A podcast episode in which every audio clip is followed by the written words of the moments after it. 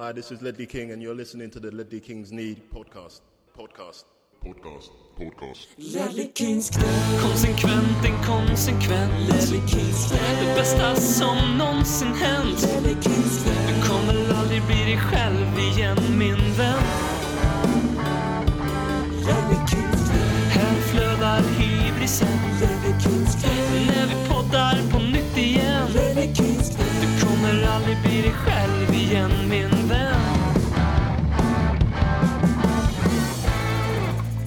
Varmt och hjärtligt välkomna ska ni vara till den stora Borussia Dortmund-podden. Det här är radioteatern för dig som gillar dina un prickfria och för dig som tycker att veteöl det är reserverat för den där kompisen du har som alltid har mössa på sig inomhus och som alltid envisas på att gå på de där ölfestivalerna som slår upp sina sorgliga vita tält på stadens torg en gång om året med samma envetna epidemiska kraft som paddelhallar.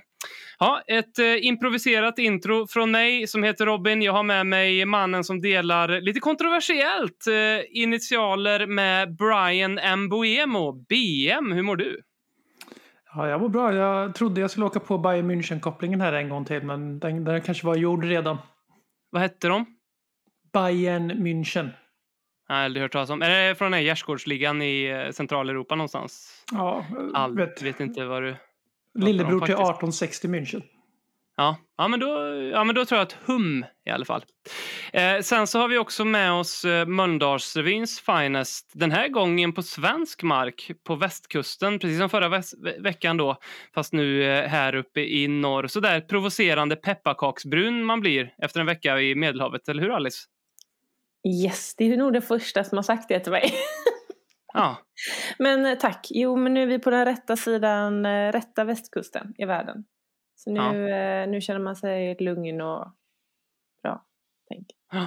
Och du sitter där i ditt kaos i, mitt i en köksrenovering och känner att livet är enkelt och strömlinjeformat. Jag sitter och blickar ut här i mitt vardagsrum över mikro, lampor och allt som är ett kök och allt som är ett vardagsrum. Typ. Så det, är, det är bra. Och så har man lite Fredrik Ljungberg framför näsan också. Så det är kanon. Fan vad självgod han är, va? Ja, Eller hur? jag, må, jag, fick ju ångest eh, direkt när jag såg honom jag slog på sändningen där 14.30 och ser att han sitter där. Jag bara, det var la självaste. Nu vet man att det inte blir tre pinnar idag. Så börjar han så här småhylla lite innan matchen, om ni noterade det. Man börjar småhylla liksom ändå lite sådär optimistiskt och då visste man också att det skulle gå åt helvete. Så att, eh, Mm. ja. Jag försöker tajma sändningarna så att jag kommer in lagom 14.59, 59 om vi har avspark 15.00. Framförallt när vi har eh, gjort stora affärer i veckan. ja, just det. Just det, jag nej, glömt. där det håller man sig borta ifrån. Men hörni, eh, Häng min son som eh, kaptensval. Eh, Alice sitter här, eh, ska vi säga till alla lyssnarna, i sin soffa. Jävig. Lite jävig med en Häng min son halsduk. Jag sitter och stirrar in både i Alice Nuna men också Häng min sons när jag pratar. Jag misstänker att du är nöjd med det här valet Alice. Ja, men eh, jag är sjukt nöjd. Jag tror att eh, jag är bara nöjd att det är en, eh, ja, jag, vet inte, jag är asnöjd.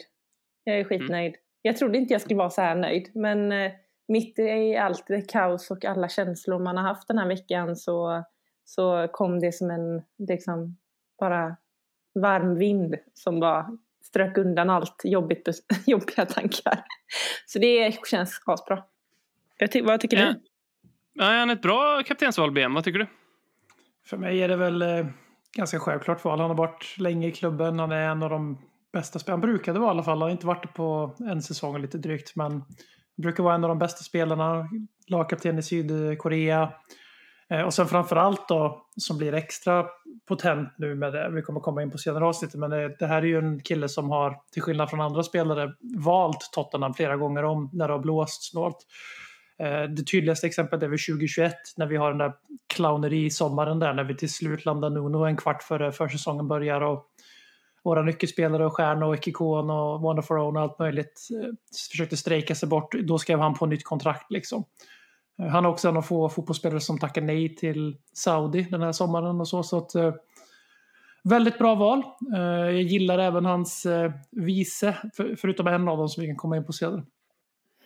Ja, men jag tänkte vi skulle ta det med en gång. Ehm, för Hängmensson tror jag... Eller, eller finns det någonting negativt att säga? Vad, vad tror ni motståndarfansen tänker om Hängmensson som... Eh, alltså, vad, vad kan det eventuellt... Vi älskar, älskar ju Son såklart och du inte minst Alice. Men vad, ja, är, han för, är han för mjäkig? Har han för lite pondus? Är han för mycket av en gullegris? Säger han för lite saker på planen? Borde han spela längre bak i banan om man ska kapten? Alltså, finns, eller Du är Eller letar jag bara efter...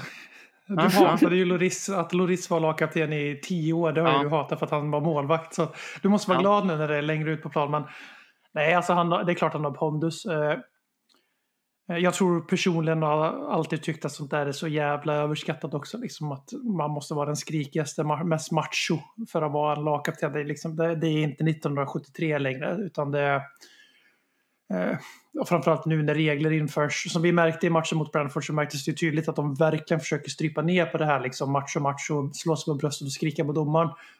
Eh, den, tiden av den typen av kapten har liksom spelat ut sin roll för länge sedan. Sen kan jag ju svara på vad supportrarna, motståndarsupportrarna tycker om sånt. De tycker att han spelar skitfult, att han är en filmare och att han är jättegrisig. Framförallt Chelsea-dårar för ju någon tes om att han är så jävla ful spelare, vilket eh, är ju eh, direkt underhållande. Mm. Nej, jag håller med. Men sen kan jag ändå... Jag vet, jag tror vi pratade om det här för någon, eh, några veckor sedan typ, eller någon månad sedan, det här med vem som kan bli eventuellt den nya kaptenen. Och jag var lite skeptisk då till sån.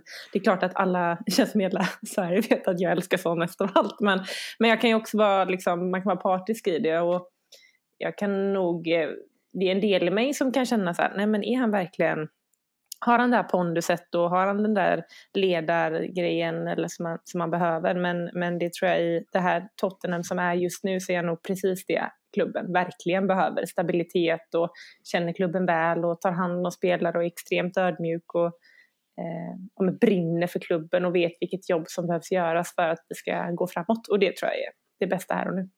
Han blir ofta Framförallt har han gjort... eh, Ja. Så att andra Och framförallt har han gjort honom. eh, militärtjänstgöringen va? Så att eh, han vet ju hur man eh, skrubbar ett par skor med en tandborste och eh, sådär saker. Så att eh, det, det är en ordentlig care det där. Eh, trots det fina pojkleendet. Men vi har också två nya vicekaptener då. Eh, James Madison, ny för säsongen. Eh, med nummer 10 på ryggen dessutom. Också då Cuti Romero eh, som delar på det. Tankar om det valet då? Vad, vad tänkte ni när ni såg det?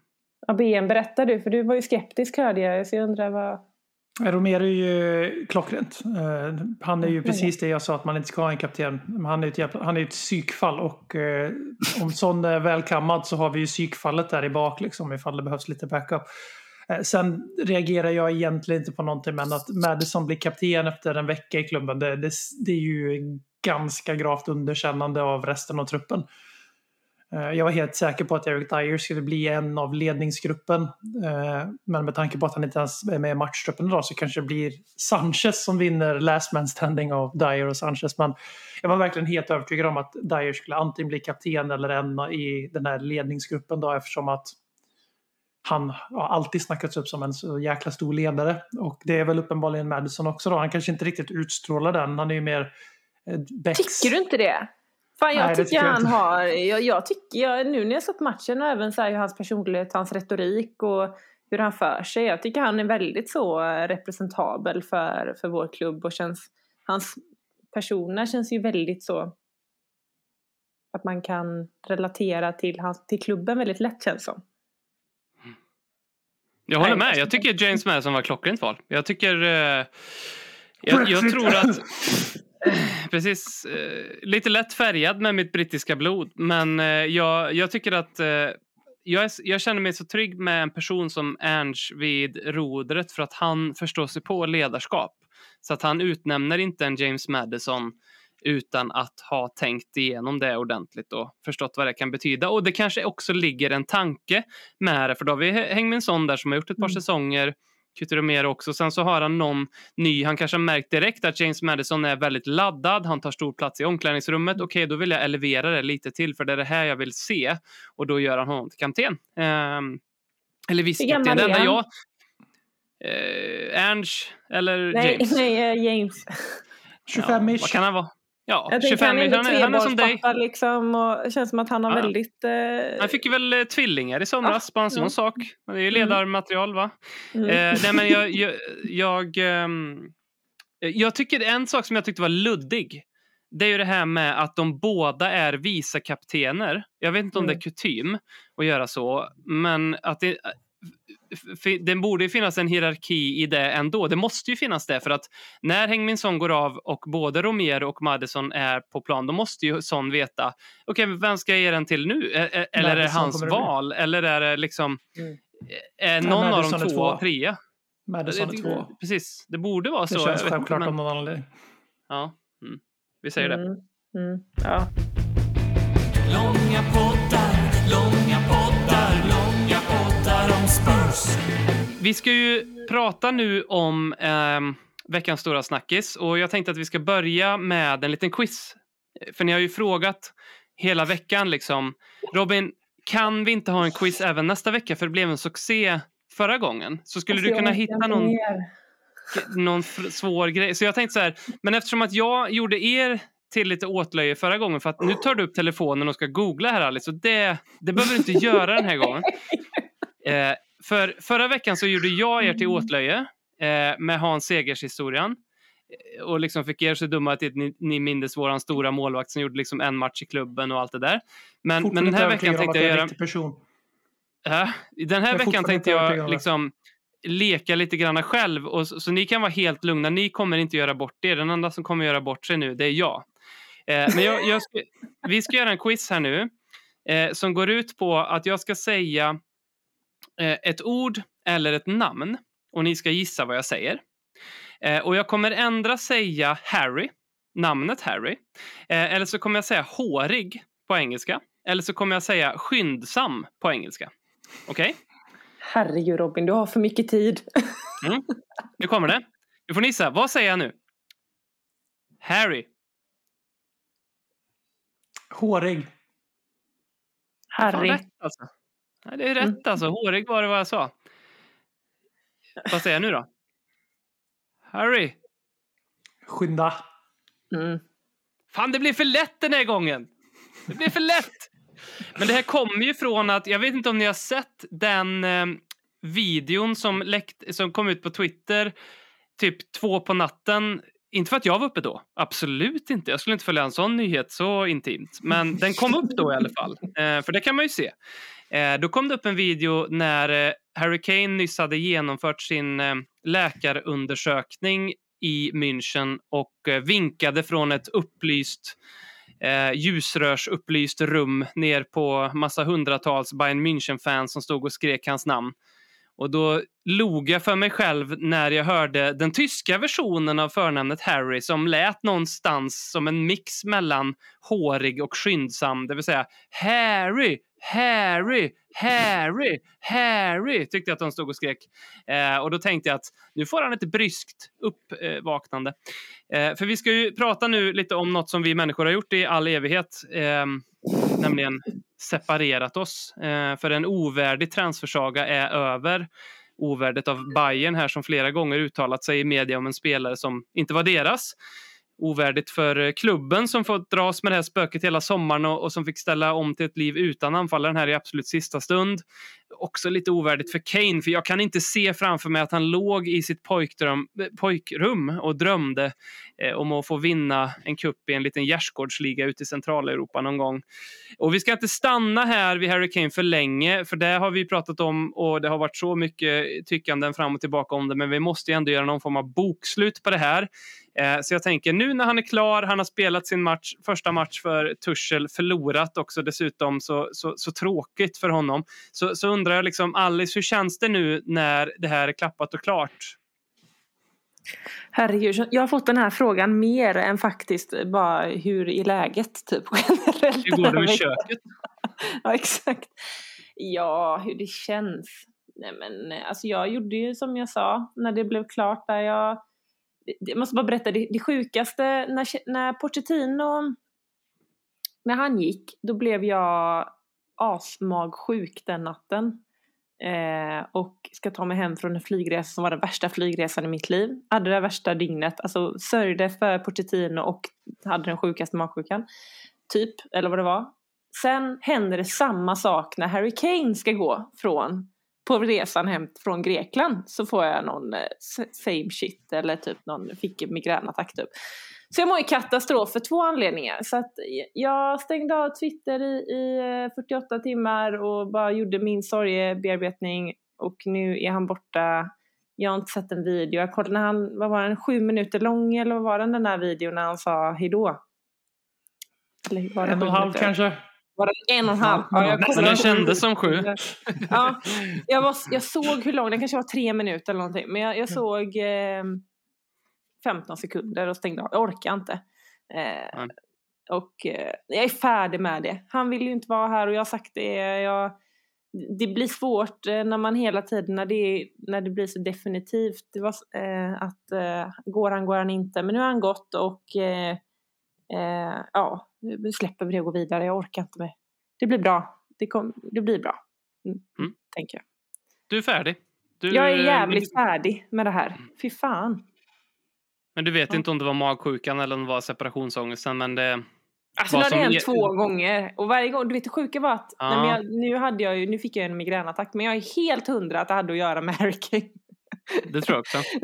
Hundra procent, för bara när jag låg där hela natten och inte kunde sova, dagen in, eller kväll, natten innan jag åkte hem, då bara tänkte jag, och varje gång jag tänkte på Harry Kane och gick in, för det var ju typ klockan två på natten det blev klart, då gick jag in och kollade på mobilen. Då mådde jag ju ännu värre. Så att jag är helt Klart. övertygad att det har någonting med det att göra. Helt ironiskt nog. Eh, ja. BM, får du, om du ska göra ett bokslut på det här eh, ett par dagar efteråt, om du får summera det som har hänt. Var det med facit i hand en, en bra deal för Spurs, för alla parter, eller vad tycker och känner du? Um, det, alltså det är ju den stora grejen med Hurricane är med pengar hit, pengar dit. Jag kommer aldrig se de pengarna ändå så jag skiter väl i det lite grann. Även om det föll en del pusselbitar på plats där när Ernst går ut och Harry i sin egen video i stort sett bekräftar att, han, att det här var, de vetat om det här sedan dag ett. Eh, Sen Ernst kom in att det här skulle kunna hända och att det handlade om huruvida Bayern skulle krypa upp till priset som Livi satte och det gjorde de ju till slut och det är därför det tog så lång tid som det gjorde. Eh, så det är väl full marks till Daniel Levy som eh, inte går, faller i den här fällan och säljer honom snabbt för halva priset när alla är redan underförstådda med att det här kan ske, kommer förmodligen ske. Eh, så, så tajmingen blir dålig ur, ur en optisk synvinkel. Men det är ju ingen slump att Ernst spenderar hela försäsongen med att eh, spela in Richarlison som nia. Spela lika mycket som Kane i stort sett. Liksom. Det, där, det där kunde alltid hända. Utan det som är tråkigt i den här situationen det är att vi har sedan 2018 när han skriver på det här kontraktet, den sista fina kalenderåret vi hade, senaste fem åren, eh, det är att vi inte har lyckats övertyga Harry Kane om att eh, det är i Tottenham man kan fullföra sina ambitioner. Eh, och det har ju blivit väldigt tydligt sedan 2021 att vi inte kommer klara av det. Men eh, det är ju misslyckandet här. Att de här, vi har haft fem år på oss att er, få en pöjk som till och med dagen innan det blev klart rapporterades att vara tveksam. Det tror jag inte stämmer så mycket när man ser vad som sägs efteråt. Sådär. Men, eh, att vi har misslyckats som klubb att matcha en egen produkt som kommer från eh, ungdomslagen och blir så bra som man får se en gång, max två gånger om man har fruktansvärd jävla tur alltså i sitt supporterliv. Det är ju misslyckandet här. Att han faktiskt har kommit till en punkt där han känner att nej, men jag går hellre till Tyskland än att förlänga mitt kontrakt med Tottenham. Eh, sen att han skulle lämna, det, har, det var 2021 tror jag. Det, där och då blev det liksom ganska klart att det här skulle inte bli en one man club liksom, eller one club man eh, som Lelly King. Utan att det, jag vet inte om det är det att han agerade då liksom som har gjort att man inte känner så mycket som man borde göra. För man borde, om man tittar på papper så är ju det här det värsta som har hänt i Tottenhams historia typ när det kommer till spelare. Men det känns inte så. Det borde kännas så, men jag tycker uppriktigt inte att det känns så. Det var känslomässigt, känslomässigt jobbigare när Bale gick. Känslomässigt jobbigare när Robbie Keane gick för mig personligen. Eh, Kane har liksom aldrig lyckats jag har aldrig älskat Harry Kane på det sättet som jag älskar typ Erik Lamel och sånt där. Jag vet inte varför. Men någonting har han saknat. Varför tror du att det är så Alice? Att BM inte riktigt älskat Harry Kane under de här åren? Ja, alltså jag, det sjuka är att jag kan ju dela det lite. Jag har inte haft den personliga förankringen med honom. Jag, det är ganska många som pratar om Harry Kane som ganska, låter ju skithemskt, men ganska identitetslös när det kommer till personlighetskaraktär. Det är svårt att liksom lägga honom, jag har haft svårt att lägga ner honom i ett fack, typ så här, ja men det här är typiskt Harry Kane. Det har jag, liksom, har jag aldrig kunnat säga. Och då tror jag att det, i det här fallet så har det blivit liksom lite enklare. Eh, jag känner nog så här rent, men Sen typ idag när man kollar på en fotbollsmatch, eh, ett lag utan Harry Kane, då blir det ju mer, då får jag ju mer, där får jag känslorna mycket mer. Men det är inte så att jag gå runt när jag inte ser någon bild på honom på träningsanläggningen att mitt hjärta brister då och kommer göra det. Absolut inte. Jag, eh, och det är väl lite så här, jag kan förstå ditt, vad du menar det här med misslyckandet från klubben samtidigt som jag är ganska övertygad att Tottenham har haft samma drömmar och ambitioner i ganska många år som Harry Kane haft. Sen framförallt 2019 när man ändå var på den Champions League-finalen och fick känna på hur det var där uppe. Men att precis som du sa efter 2021, det är hur han uttalar sig, alltså det nu mot Bayern Münchens presskonferens nu här senare, eller om det var idag eller igår, när han gick ut och sa det att eh, nej men han, eh, jag vill bara spela Champions League-boll. Jag vill göra det nu. Jag vill inte vänta en dag till. Alltså det blir så himla enkelt att acceptera på något sätt. Det är jättekonstigt men det... Kommer du ja. följa honom? Kommer du följa hur det går för honom? Titta lite, kolla lite presskonferenser, kolla lite Nej, highlights när han gör mål. Inte ett skit. Jag har slutat följa honom på Instagram. Nej men så här gör jag. Om jag bara orkar inte se det, det är överallt hela tiden och folk pratar om det och jag såg någon fjantig Bayern München-ramsa om honom förut som jag bara såg utan att trycka på ljudet kände bara nej. Det jag Harry, inte. Harry, Harry. Jag bara såg hans namn rulla 17 000 gånger och kände bara nej, nej, nej, nej, nej. Jag har tillräckligt med ångest med vårt kära Tottenham så att eh, jag prioriterar dem just nu. Ja, bra. Det är ju ändå en, tycker jag, väldigt bra affär. Eh, vi pratar om någon som är 30 bast. Mm. Visst, han är typ bäst i världen. Eh, det första budet kommer in, det var ett skambud, men det var typ 50, 55, 60 miljoner pund. Vi slutar med att sälja dem för nästan det dubbla. Mm. Plus lite add-ons och sådana grejer. Det, det är ganska bra. Dessutom hade han bara liksom eh, knappt ett år kvar på sitt kontrakt. Så det är ju bra. Vi har gjort bra business här. Jag har ju gått hela sommaren och varit lite orolig med det här att fan hur ska det gå nu när det känns som att det är klart att han kommer gå men det drar ut på tiden, hur påverkar det? Men jag, jag fann lite tröst i att det var i efterhand var det så mycket lättare att se att det här var för alla parter någonting som skulle hända. Liksom, vi kan ta det enkla exemplet som att James Madison, han har alltid spelat i tröja nummer 10. När han kommer in till Tottenham, när vi ger ut den första listan här för någon vecka sedan med alla tröjnummer, ja då har inte James Madison fått ett nummer. Nej, okej, jaha, undrar vad det berodde på. Så sen så när Kay, idag kommer det fram, vilket nummer fick Madison? Ah, han fick nummer 10. Alltså det var, då var det, när man ser i efterhand så var det så tydligt att det berodde på det. Då förstår man att det här har Mm. varit klart längre och det, då gör det att jag känner mig lite mer trygg i att Ernst och klubben och spelarna liksom vet att det här har hänt. För att jag var skiträdd när den här affären gick i lås här nu i fredags eller när det var att bara, ja, hur fan ska det gå på söndag när hela laget Ja. måste spela och smälta nyheten om att Harry, nej Mm. men de, har- de har vetat det liksom. Och dessutom har ju Harry, det blev ju extra tydligt för mig, 2021 så, så sa nog Livy bara nej, nej, nej, till alla bud. Nej, han sa det var det enda liksom. För, Mm. att, eh, och, och Harry Kane sa nog jo, jag vill gå. Men den här gången fattar Livy också att okej, nu är det så här. Nu kommer faktiskt Bayern med här, de här pengarna. Om jag säger nej nu, då spelar han i United nästa säsong och det vill Mm. inte jag. Eh, och då, ja, då, då fattar jag liksom hela grejen lite mer. Även om jag tycker att för mig som supporter så hade en säsong till varit ovärderlig och det finns liksom ingen prissumma. Jag hade sagt att ja, men så mycket då tycker jag vi ska sälja. Jag, bara, jag vill ha han i laget. Men eh, jag vet inte, jag, jag fann, fann det väldigt eh, trösterikt. Och sen så, någonting jag reagerar väldigt mycket på, det var det här. Harry Kane sitter och funderar nu på om han ska ta det här eller inte. Ja, Fy fy fan vilken bullshit! Ja, Vilken hantering! Alltså så pinsamt från Mm. Team Kane att så här, okej, vi vill vårda den här relationen nu lite grann. Så skicka ut nu att Harry Kane sitter och grubblar nu liksom med tummen och pekfingret fast förankrat på, på hakan här. Hmm, hur ska jag göra? Han var, helt, han var helt övertygad om att dra. Han hade liksom börjat plugga tyska långt innan han hade ens... Alltså, så att, nej. Det, Nej, det hade han inte Robin, för det såg vi igår. Nej, sant. sant. Jo, eh, när han inser att domaren och de tyska spelarna pratar Den tyska. alltså, Priceless. Jävlar Ja. vad rolig den var. Fantastiskt. Eh, väldigt kul. Men en grej jag har tänkt på, och jag kanske låter som eh, na en naiv, okunnig eh, person här nu. Men vad, vad fan out. är... Ja, men vad fan är ett bud egentligen? För det, det, det, lå, det låter som att så här, okej, nu ska vi nu ska Bayern München flyga till London och prata med Livi och ge dem ett bud. Och så sitter de där, nej, nej det blev inget, vi får åka hem igen. Ja, men vad, vad är liksom så här, 75? Nej, okej, ja då får vi åka hem. Ja, ja, ja, så kommer vi igen om några bar, dagar igen. 78! 85. Alltså vad är ett bud? När allt kommer, alltså är det liksom ett jag fattar att det ligger massa klausuler i och hur det, det, det, det liksom finstilt är. Vi ska betala så mycket up front och sen avbetalning och hela den grejen. Vad, alltså, har, har ni någon klarhet i det? Vet ni vad ett bud är?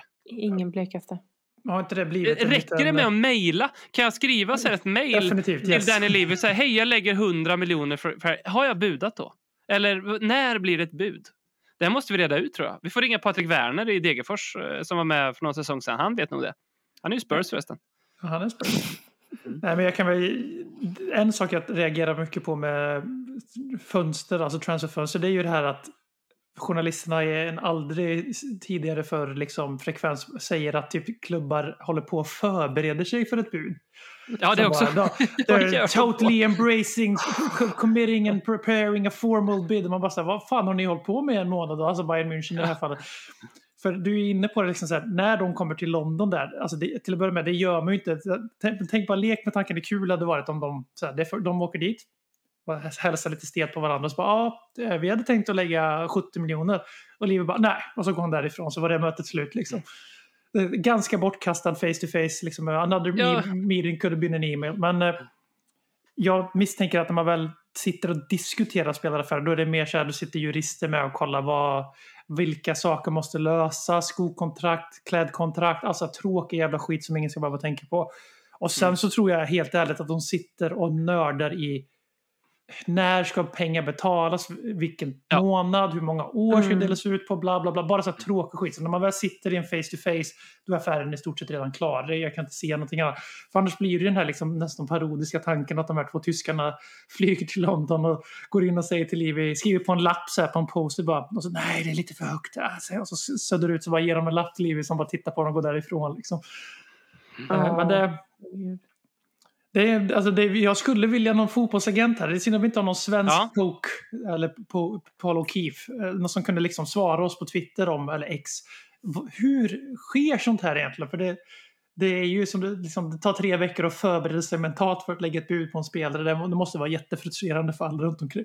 Ja, och alltså jag förstår alla de här... um, Okej, betalnings... i- Okej, vi ska ha 100 miljoner pund. Det är jätte, jättemycket pengar. Så här, om vi vill lägga så mycket, hur, hur ska det föras över? Får det vara någon form av avbetalning? Vad händer om vi inte betalar? Alltså hela, ja, det, är precis, det är massa detaljer. Så här. Men, men, men vi pratar om en affär som har tagit upp två månader. Liksom. Eh, vad är det som tar sån tid?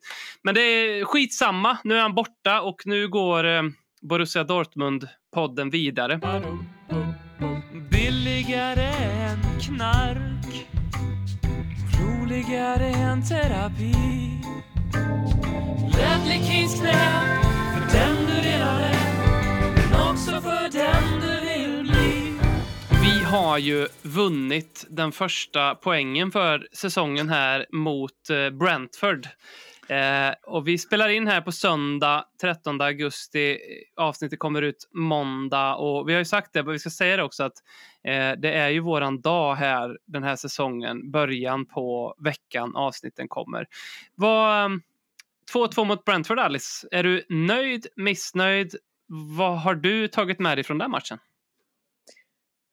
Eh, Lätt jag, optimistiskt eh, eh, Jag vet inte riktigt vad jag tar med mig. Jag, jag, jag, jag, jag var så sjukt nervös i 90 minuter. Jag, jag är lite stum nu och det är inte så jävla bra podd blir då. Men eh, jag är lite besviken. Jag tyckte att eh, vi hade, framförallt i andra halvlek, så pass mycket nytt. Och så, alltså vi hade så mycket boll och vi hade så mycket framåt. Och, alltså jag har fått så flera spelare i laget som jag känner bara, vem fan är du? Fan jag älskar ju dig. typ Bissoma. Bissoma, ja. Vem fan är Bissoma? Den, alltså jag bara, Mossa är det du? Jag förstod ingenting. Liksom i 89 minuten höll han på att flicka bollen som att det vore på uppvärmningen. Jag fattar ingenting. Så det var ju massa härliga, liksom, det kan vi gå in på mer, men jättemycket bra grejer. Men jag var lite besviken. Jag, det ser så trevligt framåt ut ibland, men jag mår så fruktansvärt dåligt bakåt eh, i stunder. Och vår målvakt, jag är så Vicario, jag är så, jag är, jag är skeptisk alltså. Fy fan, jag var Mm. livrädd de första 15 förut höll jag ju på att göra, kasta kontrollen i tvn. Det är som magsjukan, man mår dåligt bakåt. Det. det är... Ja, ja. Diarréboll istället för angerboll. Vad, vad tycker du BM? Vad, hur satt du och kollade på dagens match och vad kände du? Eh, ja, jag, eh, min vana trogen under de här terroriståren vi har genomlevt i skräckväldets regi med tre fotbollsterrorister på rad. Förlåt mig som du räknas inte med i det här sammanhanget. Eh, Att jag har ju fallit in i en vana att jag tittar ju inte på Tottenham längre utan jag läser ju Tottenhams matcher. Utan jag sitter ju i diverse grupper och liksom skriver mer om matchen när jag faktiskt tittar på den. Just för att det var så jävla tråkigt att titta på Tottenham spela fotboll de senaste fem åren ungefär. Ehm, så i andra halvlek så gjorde jag ett riktat försök att nej nu skiter vi nu tittar vi istället. Ehm, och eh, det kändes bra. Vi, jag vill vara tydlig med att vi gör ju en bättre andra halvlek än första. För jag håller med Alice där att det är diarréboll i första halvlek. Liksom det sprutar framåt. Men det läcker jävligt mycket bakåt också. Eh, ser livsfarligt ut defensivt. Och det kommer fortsätta se ut så. För vi har inte ett perfekt lag för angerbollen. Men eh, eh, Jag är ju väldigt, väldigt, jag är nästan tagen över, alltså förvånad över hur i helvete man kan gå på en sommar med fyra träningsmatcher, varav liksom eh, en av dem är mot Barcelona där halva laget inte ens åkte med för att de hade precis spelat en match innan. Och vi har mött ett liksom amatörlag från Malaysia eller var det Singapore, jag kommer inte ihåg, Singapore Sailors. Sailors. Att man kan få det laget vi har sett spela reaktiv kontringsfotboll med Harry Kane som någon form av nio och en halva som ska hitta sån i djupet. Och hängslen och libran livrem på och time wasting och allt sån där tråkig pissfotboll vi har sett. Gå från det med i stort sett samma trupp på tre och en halv match till det vi såg idag. Det är fan mig, alltså det är ju sjukt imponerande. Sen, ja, alltså hantverket i sig, utövandet av filosofin, det, det, det lämnar en del att önska. Det går, går långsamt. Vi kan ta sista två minuterna vi trycker på för att vinna, det är något nytt. Men vi passar runt tiki-taka på mitten istället för att bara skicka bollen in i boxen när det är 60 sekunder kvar av en match. Eh, så det finns lite så växtverk, absolut. Eh, sen, eh, sen är det ju så, vi kommer åka på minst en eller två AVB-käftsmällare här, den här säsongen. Vi kommer att förlora med 1-5, 1-6, 0-5, 0-4 någon match. För vi är väldigt naiva och väldigt modiga. Men det är lite det jag har suktat efter i flera år, så jag tänker inte falla in i den här fällan, liksom att slentrian gnälla på det, utan vi har sålt Harry Kane, vi har valt ut en ny ledartrio, vi har tagit in en tränare som kom från massa pissligor enligt folk, fintyckarna. Det är meningen att det ska gå upp och ner i år. Vi måste komma ihåg det som supporter. Nu är det fan upp till oss. Vi är väldigt duktiga på att klaga och ställa krav på alla andra som har med Tottenham att göra. Men nu är det upp till oss supportrar att visa att vi är inte som Leipziglarna i Big Four. Utan vi förstår att saker och tid tar tid. Och vi, alltså, vi går från en extremboll till en annan extremboll. Andas. Tack. Jag, jag, det- jag kände ju bara... Jag kände två minuter in i matchen att vi har fått vårt Tottenham tillbaka. Alltså du skrev mer om matchen idag Robin än vad du har gjort på de senaste fem åren. Det märktes på det kan jag säga. Ja, ja. Jag, alltså, sen... Det är nästan så att jag blir gråtmild när jag tänker på det, men sen pandemin så har jag liksom inte känt någonting.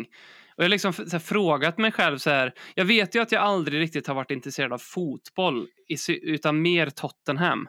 Eh, men jag njöt av att kolla på fotboll. Alltså, jag, jag kände också stora delar så här det får gå lite hur, hur, hur det går idag. Jag, jag är glad att vi håller i bollen, försöker skapa saker än att bara ligga med det här. För det är det, det, är det värsta jag vet. Och det, alltså, det, det var så jävla... Särskilt när man liksom inte är så här jättefrälst av fotboll till en början med så sätt som jag... Alltså, nej, det var, så på jag, jag är jätteglad. EM 38 gånger per säsong. Det är inte så kul att se dem göra det 38 gånger per säsong. Det Nej. ki- är kul en sommar liksom. Nej, och då samtidigt så slås jag av en så kontr- konstig tanke som, som jag grubblar mycket så här. Har jag varit, låter ju konstigt att säga när man är Tottenham-supporter, liksom, men har jag varit en medgångssupporter liksom lite grann sådär? att, Oroa dig inte. Nej, men, ja, men ni förstår, alltså, för att Ja. eh, under Pochettino så, så var det så heligt. Jag, det var liksom, jag fick inte missa en match och sen så under Mourinho så började det ah, lite bli godtyckligt under Conte var det så här, jag tänker inte se den här Tagliatelle-skiten en jävla sekund liksom. Eh, Parmesan fram- kuliss. Ja, fram tills nu när, när det- min fru sa det till och med i, idag, så här, Emily, hon sa bara Robin, det är så kul att se dig taggad för någonting igen. Så här, ja, ja, Vad mörkt det blev på en gång! ja, men, är inte för, ja, jo, nej, men, men jag sitter, jag är, det här är småbarns, för jag är en småbarnsförälder, ni måste ju veta hur mitt liv ser ut. Va? Eh, Så att, ehm, Nej, men- jag, är, ju- jag har ju varit frälst. Ja.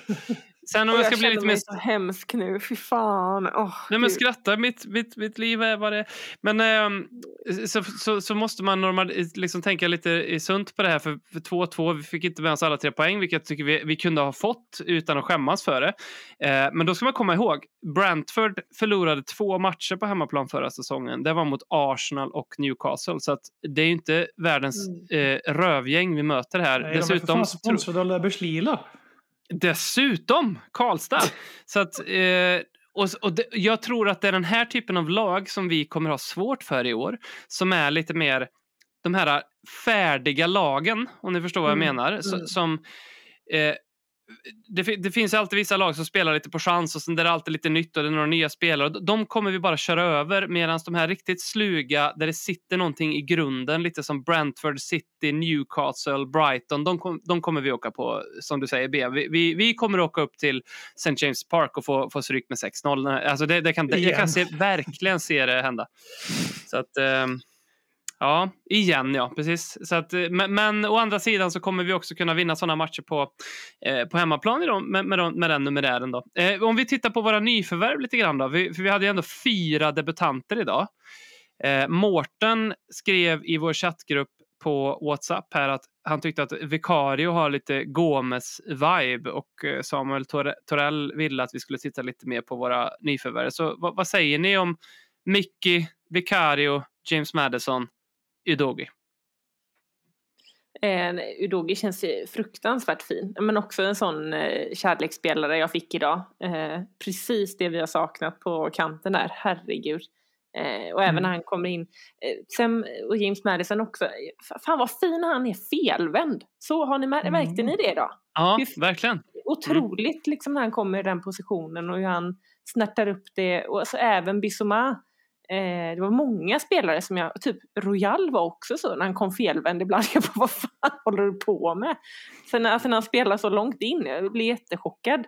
Eh, och sen blir jag chockad för andra grejer också, men det är på det positiva. Eh, Mm. Vicario. är ju hans fötter där. Ja, det, det han gick, sen tycker jag, det som jag är lite orolig över, eh, det ska jag inte sticka under stolen med, eh, tycker att eh, när han eh, han- han läser spelet ganska intressant i vissa ögonblick. Han, gick- jag vet inte om ni märkte det och de nämnde det, kommentatorerna, att han går ut extremt långt och försöker så att backarna inte behöver gå ner så mycket så att han kan få hålla, hålla pressspelet uppe. Men det Mm. fick jag lite så här, det kommer kosta oss snart någonting.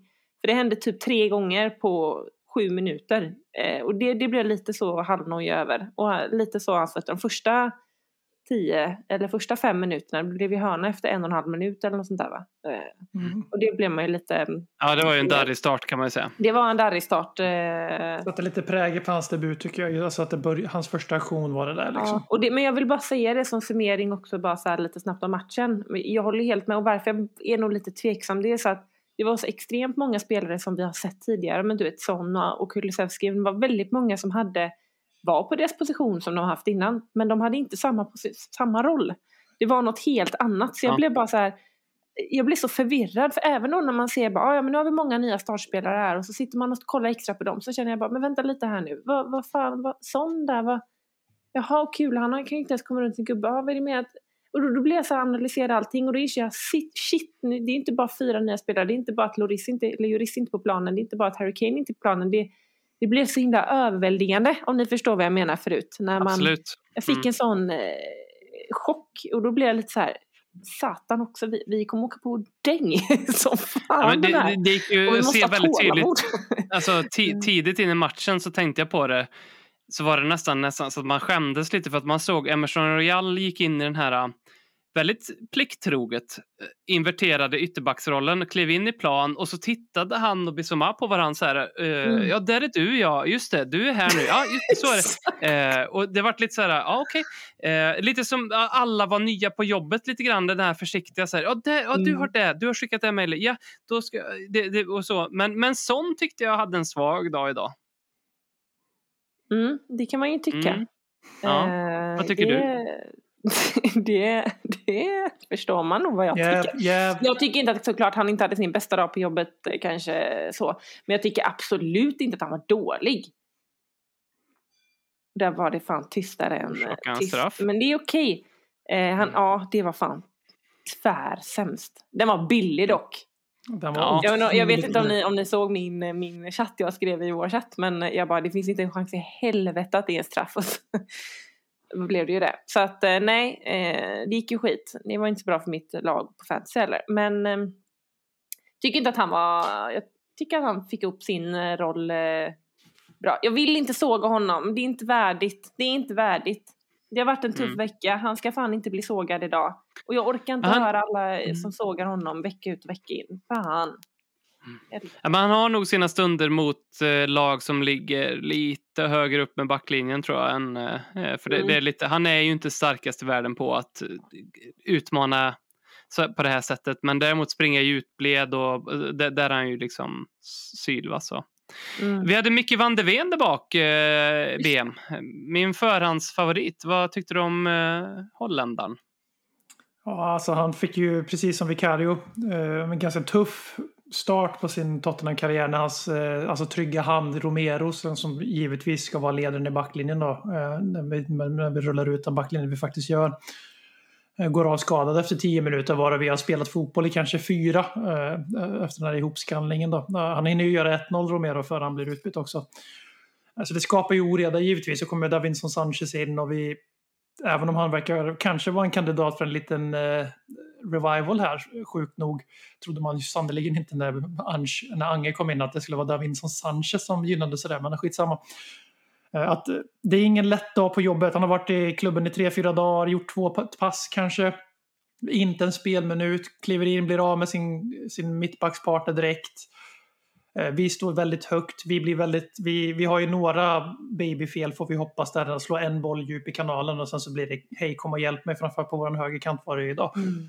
Eh, Där han faktiskt direkt räddar upp det flera gånger med sin extrema speed. Där kan vi snacka Mm. spetskompetens på honom. Alltså vi, vi har ju redan sett det där klippet men han är sjukt snabb. Han eh, tar ju den där fina när han plockar ner Shade i slutet på matchen med en klockren brytning som vi har satt studion i en kvart försökte få till straff. Alltså han är klockren på bollen liksom. Så jag var positivt överraskad, väldigt trygg med boll, väldigt orädd, bad inte om ursäkt för sig.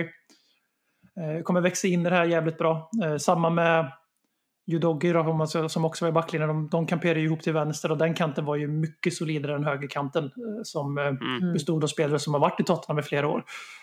Eh, Så det såg mycket lovande ut. Sen så är det klart att man såg att han fick några Welcome to England moments också, precis som Vicario. Att eh, jävlar här smäller det och jävlar här går det, sticker de direkt liksom. Det finns ingen, eh, finns ingen eh, rim och reson i, liksom, i tempot i Premier League. Men det, st- stod ju Judogi upp mot väldigt, väldigt bra. Eh, för Mm, det var några sådana lägen när han... hävda. Ja, men ehm, det var några, för framförallt typ när han skulle göra såna här rutingrejer som att täcka ut en boll till inkast eller inspark Mm. och sådana saker. Då, då fick han ju några sådana här, men, men det stod han upp mot Ja, sjukt bra. Bra. Eh, Mm, så att eh, han men vilket haveri det är med våra eh, tröjnummer. Eh, känner jag mig direkt obekväm med att vi har en målvakt som har nummer 13. Kanske han får ett nytt nummer när Hugo drar, men Eh, och så har vi en högerback som har nummer 12 och så kör vi 17, 36, 38. Det, direkt där liksom. Vad fan. Men nu är det inte lite gulligt att uh, Udogi kör 38? För det känns Nej. ju, alltså, jo men det känns ju 100% som att han älskar Bissoma så mycket redan. Att Bissoma är hans storebror slash fadder. Så att han tog hans, det känns verkligen så. Jag kan inte förklara det. Men det är väl Bissomas eh, Instagram-marknadsföring av sig själv den här sommaren. För det kändes ju verkligen så. Varför ska han ta 38 annars? För? Jag tror att han liksom redan avgudar Bissoma. Att Bissoma är den som tar hand om honom. Jag, jag, det, jag har inget belägg för det här. Det är bara min egen... Det var min första tanke. Bara, han har tagit det där för att hedra Bissoma. Bissoma som var vår bästa spelare också. Alltså, in i Eh, helvete. Och, och som blev man of the match dessutom. Det ska ju alltså, Conte ska ju ställas till svar i Haag för vad han fick Ja. Bissoma att genomlida. För alltså, den här killen som vi såg på plan idag. Mm. Alltså det är ju nog för att han, vi visste vad han be- besatt. Liksom. Vi har sett den i Brighton innan. men Vi fick inte se det så mycket i Tottenham. Mm. Men alltså det var ju helt sinnessjukt vad överlägsen han var. Och han blev bara bättre och bättre ju längre matchen gick också. Även om han kroknade lite sista tio kanske. Då har jag bara en liten fråga. Apropå det här med nu då när Richarlison var på plan och allting. Det här med personlig förankring. Har ni det till honom? Richarlison. Ja. Känner ni någonting liksom så här? Ja, Jag, att göra det målet när han vi pratar om det här med. Harry Kane och allting och man pratar om. Har ni det för Men, honom? För många Richarlison, eh, Han har mer Ja, personlighet än Kane. Jag gillar honom Ja, han mer på det sättet än Kane. mer... eh, karaktär. verkligen. Ja. Mm. Mycket karaktär och har... För, för honom, han, han ligger lite och buffrar för mig. Eh, Det är liksom Kan bli redan Manela, klart. Kan bli en... Ja, eh, Precis. Det är liksom allt är rätt. Han är rolig. Han har mycket karaktär. Han har em, etik och moral. Alltså han har uttalat sig om, om, om lite politiska saker på ett sätt som jag tycker om. Eh, så, och sen så har han ett stort hjärta. Eh, så att han, det är liksom Kommer han över tröskeln och börjar producera lite så, så kommer det finnas en, eh, ett, en, Mm. en stor och Plan trevlig har jag inte plats. så mycket relation till honom än. Det är Nej, inte han var ju rättvist att han ska få de här jämförelserna heller. Jag, jag, jag försöker passa mig själv till det. Man får vara jävligt, jag har sagt det innan, man finns ingen ersättare till Harry Kane och alla de som säger att det gör det, de, de fattar ingenting. Evan Ferguson. Nej, men, nej, men det, man får inte glömma det och det är inga, det är inga små skor den positionen ska fylla. Så att man, det är bara det att jag själv har känt mig väldigt så... Ah, Mm. fan! Mm. Mm. Ja, Men nej, men jag förstår. det, man, man, man vill så mycket där. Eh, och sen Mm. idag så var han ju mm, vilsen. Fick eh, inte mycket uträttat alls faktiskt. Mm. Vi eh, har ju två veckor kvar här på transferfönstret. Och eh, vi kommer nog göra en hel del business. Förmodligen kommer vi rensa ut en del. Vi pratade om det förra veckan, vilka spelare vi borde satsa på att sälja. Så den behöver vi inte fokusera särskilt mycket mer på. Vi behöver inte stanna vid det här för mycket heller, för det finns inte jättemycket rykten. Jag ska bara säga till er, för jag tror, om inte ni har varit inne på Twitter här under tiden vi har spelat in, men det verkar som att Eric Dyer har skrivit på för Al Nasser i Saudiarabien. Jag skämtar inte. Eh, utan Nej, det, du är seriös? Du jag är helt seriös. Nej, det Detta har kommit ut under... ehm, Fan Dyer, jag, jag, jag trodde så mycket mer om dig Dyer. För kan vi börja där? Jag vill ju inte att det här ska vara en nyhet, men jag, jag måste också förhålla mig till att jag lever 2023. Men det blev ju en snackis när Eric Dyer påstås då ha avföljt Tottenham på Instagram och tagit bort att han var en Tottenham-spelare från sin, eh, sin profil. Eh, och sånt här kan jag inte bry mig mindre om. Jag hatar att det blir nyheter av sånt. Men någonting verkar det ändå då säga. Eh, så att han kan ju vara på väg bort där. Vad, vad känner du i så fall ifall han är en av dem vi eh, gör oss av med? Vad, vad, vad tycker du BM? Är det, är det rätt att vi skeppar honom? Eh, sportsligt, han är ju i samma kontraktsits som Kane och Loris bör ju tilläggas. Alla de här tre ledarna är utgående och en är borta redan. Och alla tre kommer att vara borta som det verkar. Då. Eh, han fick ju en liten revival. Han var en av få som gynnades av terroristfotbollen. Det var kul att se han studsa tillbaks, men han avslöjades ju ganska fort igen. Eh, som spelare kommer jag inte sakna honom jättemycket med den han har blivit. Eh, sen har han ju varit en jävligt fin person på sidan av planen, precis som vi var inne på med Sonny förut, så Dell namedroppar de två och Harry Kane ska förtjäna att nämnas i sammanhanget och det är andra som lyfter honom också. Eh, och jag blir, min spontana tanke är att jag blir väldigt besviken på Erik Dyer, att han väljer att gå till Saudi. Eh, och jag fattar ju att det här är en eh, förlorande kamp, men den, har man en plattform så använder man till typ vad man kan. Jag hade ju helst sett att ingen fotbollsspelare gick till sådana här sportswashing-projekt. Jag hade sett att Tottenham inte sprang i de ärendena heller genom att casha in på spelare. För nu kommer vi säkert få en löjlig fee för Dyer som vi inte hade fått av någon europeisk klubb eftersom att de verkar inte ha några problem att betala mer än vad de behöver där borta. Eh, så jag är besviken på människan Eric Dyer. Det var länge sedan jag var för att människan Eric Dyer har inte förtjänat ens en tiondel av allt hat han har fått utstå senaste året framförallt eftersom att våran fanbase har börjat bli väldigt, väldigt giftig. Mm. Ja, fan, ja, ja, ja, jag gick helt, förlåt, jag var tvungen att gå in och inventera hela Twitter. Nu såg jag inget om det, men om det stämmer så är det ju... Fy fan. Mm. Alltså jag är ju sån Dyer-älskare. Det är helt sjukt. På riktigt. Ja, alltså, det, jag, det är också, det där jag är honom. Det, är, Ja. det där är en av dem jag är, som, eh, respekterar eh, och verkligen så mest i hela laget. Eh, alltså bara att han skulle gå hade jag blivit... Det var inte... Det, här med att han slutade följa Tottenham på Twitter och sen gjorde han ju, började han ju följa dem igen. För jag, har man ju gått in och kollat va? och liksom och håller på och önskar, de önskar ju lycka till på matchen och allt vad det var. Men eh, nej, det är fy fan. Nej, jag, det tycker jag inte alls om. Jag älskar dig eh, Mm. som person. Ledare. Vi får väl se. Det är en eh, BBC-reporter eh, som hör, hör till BBC Arabia som eh, sitter på nyheterna som har breakat den. Men det, så vi får väl se vad som händer där. Det kan ju vara fullkomligt eh, nonsens. För dessutom så uttalade sig Ernst Postecoglou om honom efter matchen i sin presskonferens och sa att han tillhör det här laget. Eh, men vad vi vet om Ernst Postecoglou är väl också att han inte kommer att, inte kommer att ge detaljer om spelare som är på väg ut på det Nej, sättet också att han var väldigt tydlig igår. Att han, eh, att han ins- eller i fredags var det att, eller när fan var det? När han berättade att han, vi har ett alldeles för stort lag. vi Ja. kan ta in mer spelare, vi måste ta ut spelare. Och Mm. där kan jag fortsätta min tes om att jag vill aldrig se Sanchez i en Tottenham-tröja igen. Jag är så trött. Jag är så trött på honom. Och det, det är inget mot eh, honom sådär. Eh, och jag tror att han har, så han spelar i en annan typ av fotboll. Eh, inte en sån här typ av boll eh, i ett annan typ av liga, i ett annat typ av lag. Då kan han säkert göra det jättebra för han är 96 och han är värd en eh, fortsatt lång karriär framför sig. Men fy fan vad trött jag är på att se honom i vår tröja. Och jag fattar idag att jag ska inte göra någon för mycket skit. Jag fattar att man hoppar in i sådana omständigheter. Och, men det är, t- det är 2-2 målet eh, som leder fram till det. Eller 2-1 2-1 målet är det ju. Det är, alltså det försvarsspelet det är så jävla dåligt. Det är sån juniornivå så att eh, min hjärna orkar inte Mm. bearbeta det. Vad önskar ni då av uh, transferfönstret? Vad vore optimalt att vi gör nu?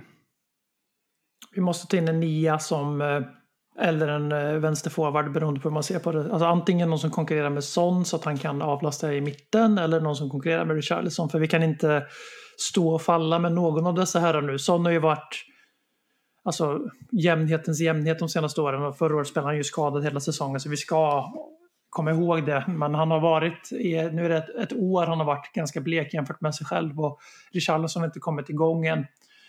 Eh, så att vi behöver ha någon där som är lite mer redo än den här Velis som typ Ange i stort sett säger att han kommer inte spela från 2024. Han skämtar sa han, men jag tror att det är sant. Han kommer inte få många minuter för 2024 om ens det.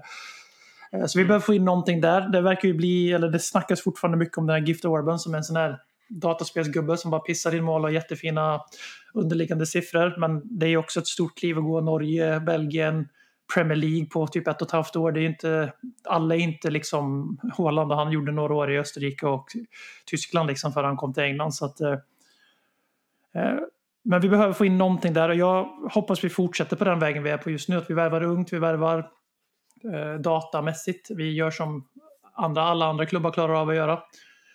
Eh, Och att vi framförallt köper spelare som Ange vill ha. Och det bekräftar väl han i stort sett på en av sina presskonferenser här att jag har precis lika mycket att säga till om som jag haft i alla andra mina klubbar. Liksom.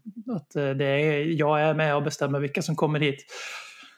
Eh, Så vi får väl hoppas på det. Sen eh, är det jättesvårt att säga vad vi behöver ha in mer för att vi har sån jävla överfull trupp. Så vi må, det beror ju väldigt mycket på vad vi får ut. För då skickar vi både Sanchez och Dyer, då behöver vi en mittback till. Mm. Det kanske vi behöver ändå för att den tredje mittbacken ska vara bättre än Sanchez. Alltså och Mm. så vidare.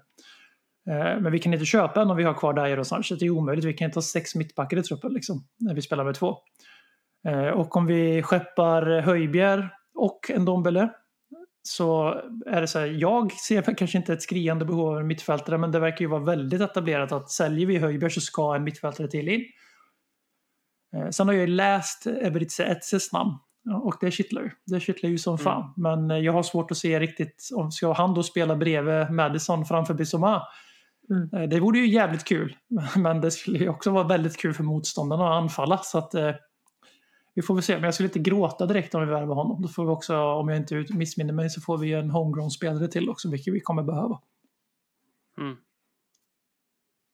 Tror ni att vi kommer att signa en målvakt till? Eh, jag har sett lite surr om det. Det är nej, Forster och Vicarius. Mm. Och, Nej. och Alfie, Degerfors finest. Mm. Fina, fina. Det vackra är att han blir ju petad i Degerfors till slut. Det är det som är så Mm. fint, att han är fortfarande, Jävla illa. rekryter- han är fortfarande Tottenham-spelare. Liksom. Det är fint. Mm. Vi får se vart Dyer tar vägen. Men nu är det dags eh, de här eh, sista, minut, sista minuterna här avrunda lite grann med att ta in ett av mina favoritband. Det går ju liksom inte att nämna ett favoritband. Men om jag skulle nämna ett så skulle ett av dem jag skulle nämna, även om jag måste nämna många, eh, så skulle ett av dem vara Steely Dan. Och då tänker ju ni alla på skratta åt topp 6. Nu är det tillbaka. Let's laugh at the top 6. They are really shit.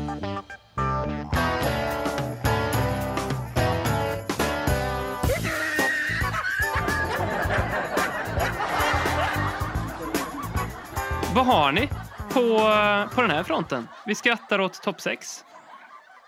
Ja, det finns mycket att välja på den här veckan. Eh, Jag eh, har ju en självklar, men jag misstänker att du kommer plocka den. Eh, Så jag sparar Ja, den och lägger in den om inte, om inte du tar den. Men Ja, jag men börjar med att skratta åt, ja, men jag börjar med att skratta åt Big Eight. eh, Det här nya, för att det är redan börjat bli så på bettingbolag och sådär att Newcastle redan eh, forceras in i Big Seven. Det har ju bara med deras plånbok att göra. En Champions League-placering på 20 år så är man tydligen Big Seven. Liksom. Det är ju patetiskt. Eh, På tal om att springa sportsforskningsärenden och sådär. Eh, Men de räknas ju med nu på, enligt spelbolag och så. Att man kan tippa vilka vinner ligan förutom de här sju lagen och sådana där grejer. Eh, och det är ju två andra ganska kaxiga ungtuppar i Brighton och Aston Villa. Där framförallt det sistnämnda har fått jävligt mycket luft under vingarna. Och oj vad de hörs och syns plötsligt här efter att ha gjort en jättefin eh, recovery under Emery. Oj vad de har värvat bra. De är så jävla stora. Nu kommer de tillbaks. Titanerna från Birmingham. Second City's first team och Englands nummer ett liksom tänker man. Och de har haft sån riggsträckning och de har haft såna tuppkammar hela sommaren. Och så kliver de in på St. James' Park och blir så jävla överkörda så att det är liksom 5-1 smickrar Aston Villa. Och då tänker man så här att folk säger på allvar att Aston Villa och Brighton är garanterade att komma före Tottenham Hotspur. För att de gjorde det en säsong. Och nu ska de spela i Europa för första gången på, i Brightons historia och Aston Villa sen fan tvn var svartvit typ. Eller som Olof Mellberg spelade. Eh, och eh, nu får vi då, kommer de ut här mot en av de andra Big Seven, Big 8-klubbarna och blir alltså överkörda. Jag, jag njöt och jag tycker En egentligen om logga. Villa. Eh, ja, en ny Ja, logga. Hur jävla ofta de också byter de logga? Va? De, Hela de byter tiden hela tiden, eller? Och sen ska vi Mm. också problematisera att de och Burnley och, vilket, och West Ham, de spelar ju i samma Mm. färger. Men de spelar i varandras typ. tröjor. Det, jag kan Mm. inte förklara det bättre än så, men Aston Villa spelar i typ Burnleys tröja och vice versa. Så ska det inte vara. Usch! Mm. Så jag skrattar Mm. åt Aston Villa till att börja med. Ja, intressant take. Jag tänkte, jag läser några namn här nu. Eh, och eh, så får ni se, för det snackas ju mycket om det här Chelsea va?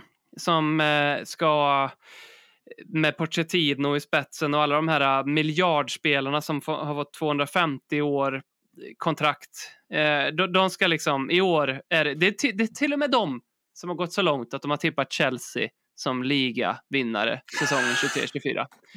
Eh, då tänkte jag så här, ja, men jag kan läsa upp för er eh, bänken som Chelsea hade idag mot Liverpool och så kan ni väl säga så här, eh, jag ger en, Ni, ni säger bara ja om ni har hört talas om och kan berätta lite kort om spelaren.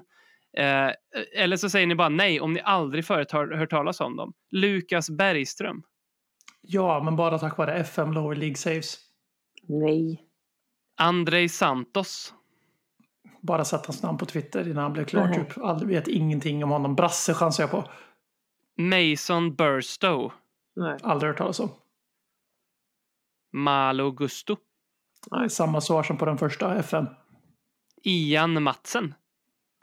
Spelade i Burnley förra året. Så kommer en, en riktigt tung Jag bara chansar här nu. hej vilt. Nej, Det vet jag inte, men nu kommer en deluxe. riktig tungvrickare här nu. Leslie Ugochukwu. Ja men det är ju honom. Det är han som spelar i Lindome. Fan. Va? Jag var i en halv var sekund var jag tvungen att det tänka var om det var ett så seriöst svar. Dåligt. Herregud. Det där är Chelseas bänk.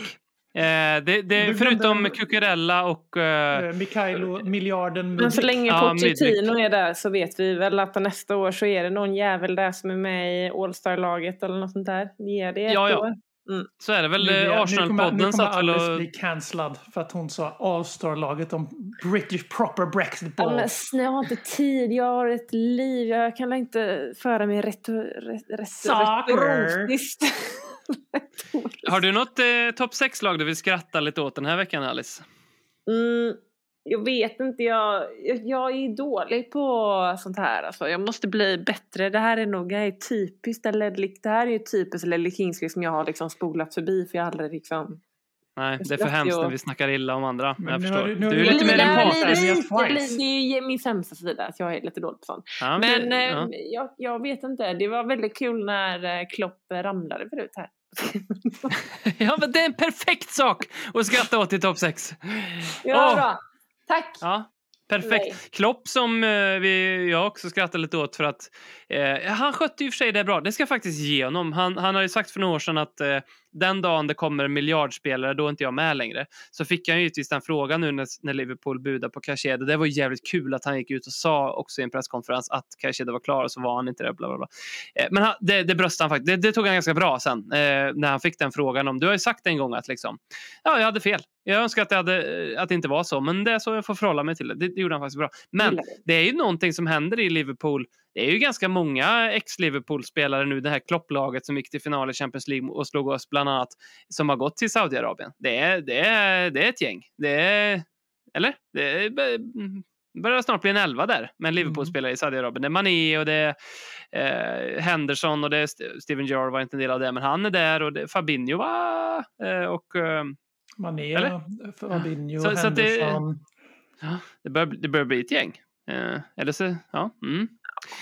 Du Konspiratoriskt. Du missar ju ett öppet mål här och skrattar åt Liverpool i samma veva. Okej. Det, det, Klopp startade en inflation när han gick ut och säger på presskonferensen ja, vi är, vi är överens med klubben men vi har inte kommit överens med spelarna. Det var ju tur för honom att han sa det där sista då. För att Mm. sen så kommer det ju börja ut timmar senare att Chelsea att Caicedo vill bara spela för Chelsea. Och när vi spelar in det här så är inte det klart än vart han går. Men Mm. eh, det är ju liksom när Liverpool inte lyckas köpa Romeo Lavia från Championship-klubben Southampton. Han har gjort en säsong i Premier League, kommer från Citys ungdomsakademi. De misslyckas köpa loss honom till ett eh, vettigt pris. Han är redan uppe på 50 mil eller något sånt där för en 19-åring som gjort en säsong. Då går de, svänger de om till Caicedo, jävla dundervärvning eh, såklart. Inte för den prislappen för det är ju helt sinnessjukt, men skitsamma. Och sen då när han, deras tränare sitter på en presskonferens, den här miljardspelaren som han äntligen officiellt ska spränga banken för. Och sen så vill han inte gå till Liverpool. Det tycker ju jag är humoristiskt. Eh, Och sen också lite tragiskt eftersom Liverpool är ju rätt jävla mycket bättre än Chelsea. Men jag tyckte det var lite roligt i alla fall. Det behövdes Ja, får De har inte varit så ödmjuka i sådana som de borde ha varit. Vi ska ju skicka Alice dit i slutet på september eh, på ett litet mullvadsuppdrag. Kör Caicedo-tröja Chelsea om man går dit. Ja. Kan inte du köpa en Liverpool... Ja, precis. Ja, en eh, förlåt, Chelsea-tröja med Caicedo på ryggen och gå dit. Det vore ju Jag har någonting. så mycket grejer. Alltså jag, har, jag har en Liverpool eh, nyckelring och så har jag en Fredrik Ljungberg Arsenal-tröja någonstans här. Eh, som Usch. jag ska se till att den försvinner Den snart. Brinner. Mm. Jag bara råkar elda upp den eller något. Det är så här det är. Livet med kompromissande. Jag tänkte att vi stänger veckans eh, Lellekins knä med en eh, liten eh, repris på er favoritsak i världen. En liten quiz som ni har ju frågat om så, så många gånger och vi går tillbaka till inledningen av programmet när vi körde den här lilla gissa vad Robin säger-grejen. Så att ni behöver, ni, ni behöver inte oroa er. Det är mig som, det är jag som kommer se dålig ut. Ni ska bara lyssna på vad jag säger. Och den här gången så kommer jag säga ett namn eller ett ord. Eh, ordet kommer jag säga på engelska. Så jag kommer säga ändra Harry eller så kommer jag säga titellös. Så får ni höra, får ni lyssna riktigt noga. Vad säger jag nu? Harry. Titellös. Harry. Ja, det är rätt! Det var exakt det jag sa. Tack, tack så jättemycket för att ni har lyssnat på ännu ett avsnitt av Lelle Kings knä, kära lyssnare. Kom ihåg att eh, följa oss på alla sociala medier. Eh, dela gärna avsnittet med någon ni känner eller någon ni inte känner. Det vore också kul att bara säga det här lyssnar jag på så kan de titta på er på ett konstigt sätt nästa gång ni möts om ni någonsin gör det. Tack så mycket BM, eh, Alice eh, och vi hörs nästa vecka på måndag. Hej! Hej, hej. Du har lyssnat på ännu ett avsnitt av Ledley Kings knä. Stöd oss gärna genom att gilla och dela avsnittsinlägget. Vi hörs! Gjuten i skogen i Värmeland Där kommer vår podd ifrån. Konsekvent, inkonsekvent Det bästa som någonsin har hänt. Ah, du kommer